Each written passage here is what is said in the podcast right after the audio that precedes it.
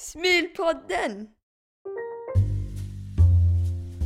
Idag ska Smulpodden handla om att flytta tillbaka till Sverige efter att ha skaffat familj utomlands. Och jag har pratat med två familjer som har gjort det. Och det handlar om den svenska skolan, det bra och det dåliga, men även om vad det innebär för oss vuxna att flytta till Sverige. För vad gör man om flytten inte funkar för de vuxna? Som är den ena familjen jag pratar med. Och vad har de för tips för andra som vill flytta tillbaka till Sverige?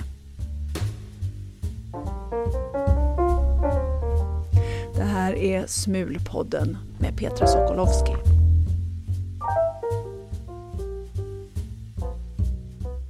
Hej! Ja, hallå! Jag började med att ringa upp Kristina Smith i Uppsala och hennes äldsta son Oskar med video på datorn. Vi känner ju varandra eftersom de bodde i Washington DC förut. Vad, vad, du ser annorlunda ut hörru. Ja, ni, ni ser båda, du ser likadan ut, men inte du. Jag är lite sketunge som har blivit så stor. Ja, jo men verkligen. Ja, vad kul. Oskars mamma Kristina var ordförande för Svenska skolan för barn i Washington DC när mina barn började där för nio år sedan. Och jag minns ju Oskar och hans lillebror Marcus som små barn. Just det, du går i ni, åh, nian? Nej, gymnasiet. Nian. Hur länge har ni bott i, eh, i Sverige nu? Nästan fem år. Senast jag träffade dem var för några år sedan när de hälsade på sin pappa Brian som bor kvar här i Washingtonområdet. Men hur var det egentligen? Varför flyttade de till Sverige? Det var ju faktiskt Oskar som började säga att, att han ville prova att bo i Sverige, prova att gå i skolan i Sverige och sådär. Och, och helst då till Uppsala för där bor kusinerna. Men Oskar, då- varför, varför ville du det då? Uh, ja, en bra fråga. Uh, vet inte riktigt. Bara vill, ville bort därifrån. Fast jag tror också att det var eftersom vi hade, när vi hade varit i Sverige på besök så hade ju Oskar fått följa med en svensk kompis som heter Gustav till Gustavs skola någon Mm. dag så där när vi hade varit på, ja, i Mm. Sverige på besök året innan och fått vara med på engelska lektionen och Mm. käkat skollunch och tyck, du tyckte Ja. att det var rätt så häftigt då i Gamla Uppsala skola Mm. och ville, ville nog göra det lite mera och lite mindre så som det var i Fairfax. Ja.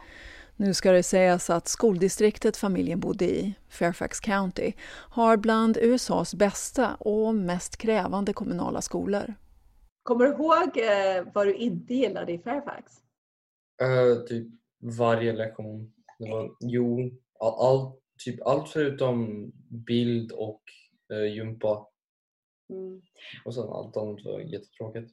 Ja, men det var framförallt att det var mycket hetsigare. Det var mycket Ja, det högre krav och det ja. var mycket mera Läxa läxor. varje dag. Mm. Det. Ja, men det är ju, ni hade ju mera läxor i Fairfax i Elementary än vad de har per månad nu. För nu går vi ju i skolor som när, vi tror inte på läxor och allt arbete ska göra i klass, göras i klassrummet. Mm. Och har man koncentrationssvårigheter och de inte lyckas eh, få en vettig skolmiljö så är det ganska besvärligt om allt arbete ska göras i klassrummet när man inte får någon arbetsro.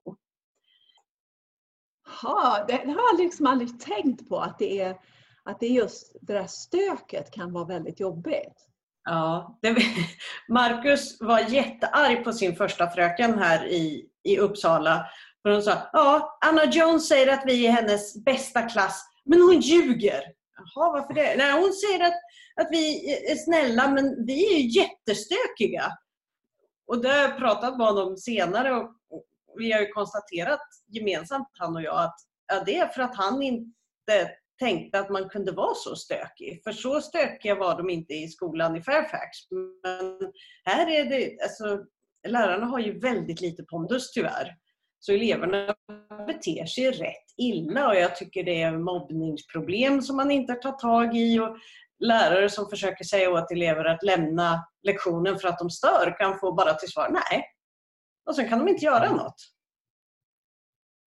Nej, men det låter ju Ja. helt härligt. Ja. Mm. Och du berättade ju om någon av dina lärare som du sa, ah, nu tror jag han kommer att sluta för den här eleven sa fuck you åt honom på lektionen. Och jag tänkte, Ja. tyvärr har han nog hört det ganska många gånger förut. Men det är ju en sån här sak som det skulle ju aldrig hända i en skola i Fairfax. Mycket, många barn är rätt kaxiga och det är rätt störande. Så, speciellt de helt svenska, de är Mm. bedrövliga. Men, Men kaxiga är de liksom... eh, För att det är ganska intressant alltså för att den svenska kulturen ska ju inte alls vara så macho som den amerikanska. För att kaxig kan ju också vara väldigt macho, eller kan du beskriva, är det macho eller är det något annat du pratar om? Det är nog inte macho nej, utan inte macho, det är snarare bara typ, de är stöddiga mot vuxna va? ja, Det är, det är nog respektlösheten tror jag du är ute Ja. efter. Eh, just det där om att lärare som säger ifrån är det ingen som lyssnar på. För problemet är ju att det är så många föräldrar som inte tar sitt ansvar att se till att det barn de skickar till skolan, ett, är liksom i form att lära sig och två, inte stör andra.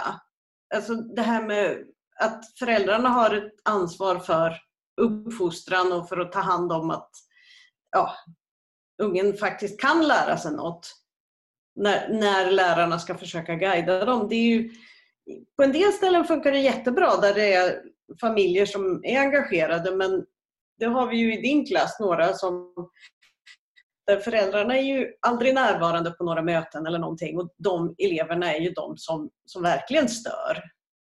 Och då kommer man ju liksom inte åt det. Men Oskar, går inte du på en väldigt bra skola? ja. Eller, det är bättre än alla andra skolor tycker jag i alla fall. ja, Kvarngärdet har ju i alla fall tidigare haft en väldig dragningskraft för det är många lärare som, som dras till att få jobba i en tvåspråkig miljö och det är ju många, det är det som jag har sett som min smala lycka, att det är så många föräldrar som, som kommer från andra system och barn som kommer från andra system som inte har förstått vad man kommer undan med i svenska skolan utan som har säg, japanska föräldrar som inte alls tillåter att de beter sig. Eh, Så det har ju varit bra tycker jag på Kvarngärdet. Ja. Vad är det för skola? Eh, vad, vad är det som är speciellt med den, Oskar? Ja, det, typ bara att det är tvåspråkig, internationell. Så det är som en immersion school. Så att det är English immersion kan man Ja. säga. Så att hälften av lektionerna har ni på engelska och engelskspråkiga lärare. Mm. Eh, Och hälften är på svenska ungefär. Så det här, alltså, det är, nu, det är den bästa skolan eh, i det området ni bor? Ja, det beror väl lite på hur man, hur man... För det görs ju inte sådana klassningar på samma sätt i Sverige. Men när det gäller resultat på nationella prov så ligger Kvarngärdet bland de högsta. eh, Den högsta i Uppsala Mm, tror jag. Förra. Andra. Andra, okej. Mm. Ja, men ligger väldigt bra till. Eh, och det är de ju väldigt stolta över just med tanke på att det är många som kommer från andra system och som inte har svenska som modersmål och sådär. Så att visst, det är en bra skola och det är en skola som drar till sig lärare som är intresserade av att undervisa. Absolut. När jag pratar med Oskar och Kristina så är de mitt uppe i ansökningsprocessen till gymnasiet. Så ja, nu är, det, nu är det hets. Och då är det ju det där med betyg i svenska skolor. är ju, det är ju så mycket sån stress och nervositet kring. Det, det kan jag också sakna, det amerikanska systemet med att får man varje kvartal, då är det ju inte så stor grej utan då ser man det ju snarare som att ja, det här, här går det uppåt, här går det åt rätt håll och här och sådär. Men här är det ju jättestort och det är ett system som är helt omöjligt att begripa och vad man ska göra. för alltså, Det är ju väldigt tydligt utskrivet vad, vad som krävs för de olika betygen men sen hur det implementeras är för mig helt obegripligt. Så att, men det är mycket prat om att systemet behöver göras om och vi får se när det blir av. För det är väldigt svårt att få högsta betyg. Ja, eller snar, framförallt är det svårt att veta vad det är man ska göra. För jag vet att Marcus några gånger har sagt, ja nu gjorde jag så och så, så nu borde jag få ett A på den här kursen. Och sen är det någon annan parameter som hoppar in från vänsterkanten och som gör att han bara får ett C. Och det är ju helt obegripligt vad det var som gjorde det. Och sådana saker är ju väldigt svåra att liksom planera för och försöka få någonting uträttat i. Det låter ju fullkomligt vidrigt. Ja, jo men det är det. När man, när man inte vet vad som krävs av en. Ja. Ja, det, det händer ibland. Men... Mm. Ja, nej, men det var någon debattartikel nyligen tror jag i Svenskan med en, en tjej som var disputerad i kemi som inte lyckades reda ut vad det var hennes barn i klass 7 behövde göra för att få ett A i kemi. Och då är det ju helt galet när man inte ens förstår vad det är som krävs som disputerad kemist. Men det där är, det är min tes om varför det är så många svenskar som är utbrända. Och det är just för att det är otydliga regler om vad man ska göra. I, på Booz Allen och så, då visste jag liksom, det här är min, här, här inom agerar jag. Här över är det min chef och här inunder är det någon annan. I Sverige så vill man inte ha det så, det ska vara en platt organisation och det gör ju att de som är jätteambitiösa jobbar ju ihjäl sig både uppåt och neråt för det finns liksom inte avgränsat vad som är inom mitt my pay grade. Liksom. Eh, så det tror jag har väldigt, just det här med otydligheten för det stressar ju folk jättemycket. Och det jag blir jättestressad av otydligheten i skolan och jag blir stressad av otydlighet på jobbet. Och är nog, ses nog som ganska jobbig just för att jag försöker få tydlighet så att jag vet var jag ska liksom agera. Ja, och, och, och elever kan ju inte liksom argumentera med sina lärare för lärarna har, antagligen lite luddiga, ett rätt luddigt begrepp om vad som krävs av dem. Det är ju Precis. det liksom, som liksom går upp för hela vägen i, ja. i, i strukturen, eller hur? Ja, ja jo exakt. Så att, ja. Nej, nu vill Oskar gå och sova meddelar han här. Så att eh, vi kan väl... Eh, ja just det, det är ju sent i Sverige. Och Kristina och jag började bli lite väl filosofiska. Vi behöver ju inte lösa alla Sveriges problem idag. Ha det bra! Vi ses! Hej då! Ni som har följt den svenska skoldebatten har säkert hört liknande historier om otydliga betygskrav och bristande respekt. Regeringen har lovat krafttag, som det brukar kallas. En debattartikel av utbildningsministern Anna Ekström hade rubriken Nu är det slut på hoten mot lärare. Och där förklarade ministern att regeringen ska prioritera trygghet och studiero i klassrummen. Det ska bli mobilförbud på lektionerna och elever som hotar eller blir våldsamma mot lärare och andra elever ska kunna omplaceras. Ja, jag blir ju lite fundersam när jag läser det, för jag har sett vad som händer med ett sånt här system här i Washington. För vi har också en sorts friskolor, charter schools.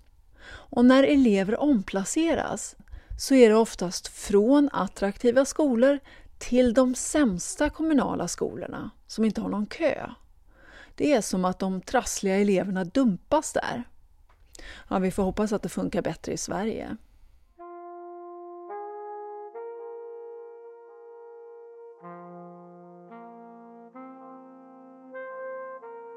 Ja, Oskar och Kristina sa att de ibland ångrar flytten till Sverige fast bara ibland. Det finns ju så mycket positivt också.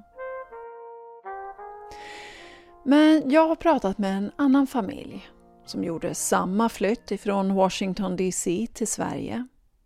Fast de ångrade sig på riktigt. Jag heter Veronica Jurmeus Gruner. Vad heter du då? Oliver. Oliver Gruner. -huh. Vilken klass går du i? Um, jag går i tre, trean. Familjen Jormeus Gruner flyttade till Bromma i Stockholm 2015 för att Veronica ville bo närmare sina föräldrar. Då var Oliver fem och hans syster Elisabeth ett. Det var ju fantastiskt på så många sätt. Uh, att få se sina barn på friluftsdagar och åka pulka hela dagen och ta snowracen till skolan på vintern och fira Lucia och midsommar och allt sånt. Vad är snowracen? Snowracen är pulka, ja snowracen! pulka med ratt. uh, så det var ju jättefantastiskt att få uppleva Sverige så och få ge Sverige på det sättet till barnen.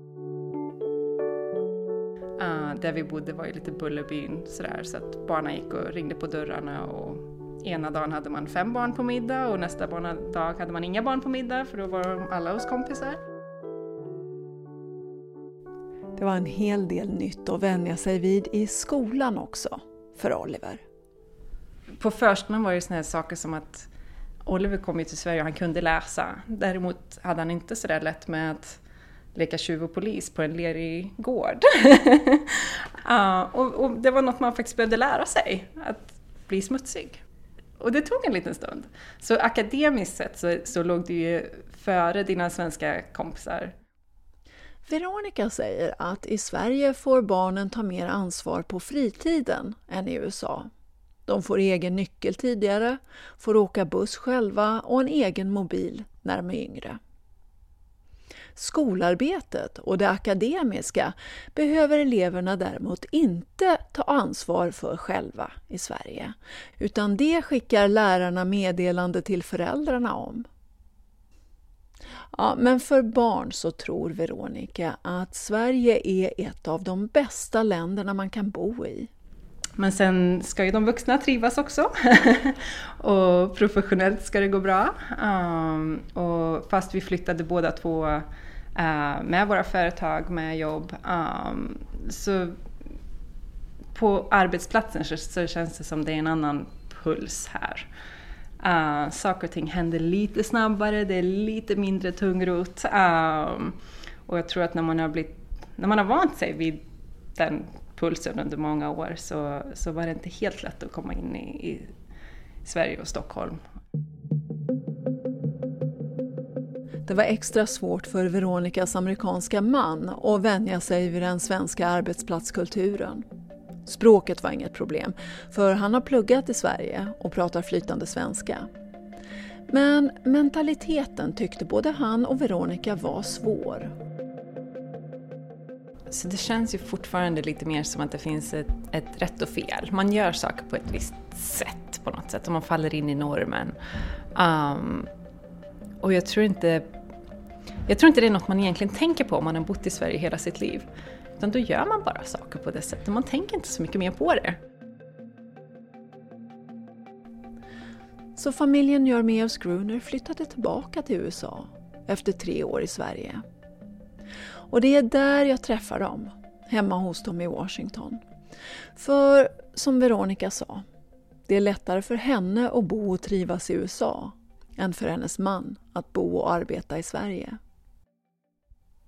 I ett annat avsnitt av Smulpodden så ska vi prata mer om hur familjen gör med svenskan nu när de bor i USA igen. För Oliver är en av Smulakademins elever och han ska berätta hur det är att läsa svenska på distans. Och han ska berätta hur det är att läsa svenska på distans med Smul. Men det blir i ett annat avsnitt. Jag vill prata mer om det här med att komma tillbaka till den svenska arbetsmarknaden. För det var något Kristina Smith också tog upp. Hon hade jobbat med krisberedskap och samhällsförsvar inom den amerikanska statsförvaltningen och fick jobb inom samma ämnesområde när hon flyttade tillbaka till Sverige. Jag minns att hon blev alldeles förskräckt av hur mycket det svenska försvaret och krisberedskapen hade nedmonterats under åren som hon hade varit borta. Jag tror att det var i samma veva som tidningarna skrev om att ryssarna skulle kunna invadera Gotland bara på några timmar. Kommer ni ihåg det? Så tydligen var det någon chef i Sverige som tyckte att man kunde ha nytta av Kristinas expertis och anställde henne. Men Kristinas råd till sådana som flyttar är att ligga lågt i början. Förutom att det är många som tycker åh vad det är häftigt med USA och du har jobbat i USA. Så är det också mycket, tro inte att du är någonting bara för att du har bott någon annanstans. Eh, och man har ju inte alls samma möjlighet tycker jag i Sverige att säga jo, det här kan jag. För då får man ännu mer stryk av janteklubban. I USA så om man skriker tillräckligt högt att det här kan jag faktiskt, då lyssnar ju folk till slut. Det är också lite hur man, hur man smälter in. Mm. Eh, jag har nog blivit mer amerikaniserad än vad jag trodde. Ja, man ska inte underskatta sin egen mångkulturella identitet. Vi har alla säkert påverkats av våra nya hemländer. Och vi är inte alltid beredda på att flytten till Sverige kan kännas som att flytta utomlands också. Tips för folk som vill flytta hem, det är nog framför allt att Sverige har förändrats väldigt mycket. Eh, det har gått väldigt mycket från att man lärde sig att ta hänsyn till varandra. Nu har vi så här, jag tar ingen skit, har blivit jag tar ingen hänsyn. Så det är väldigt individualistiskt på ett tråkigt sätt tycker jag. Men sen beror det på var man hamnar.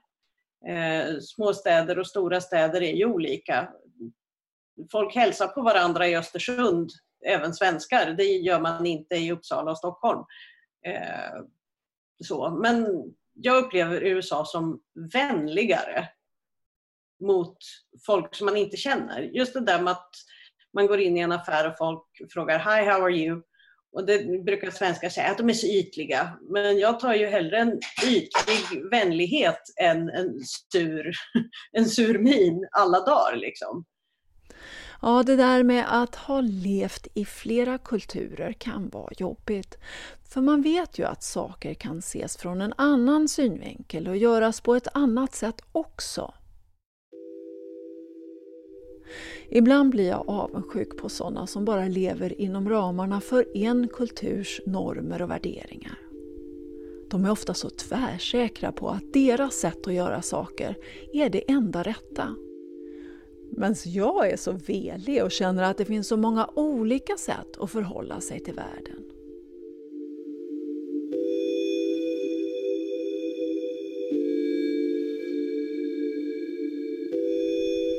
Jag heter Petra Sokolowski och det här var Smulpodden.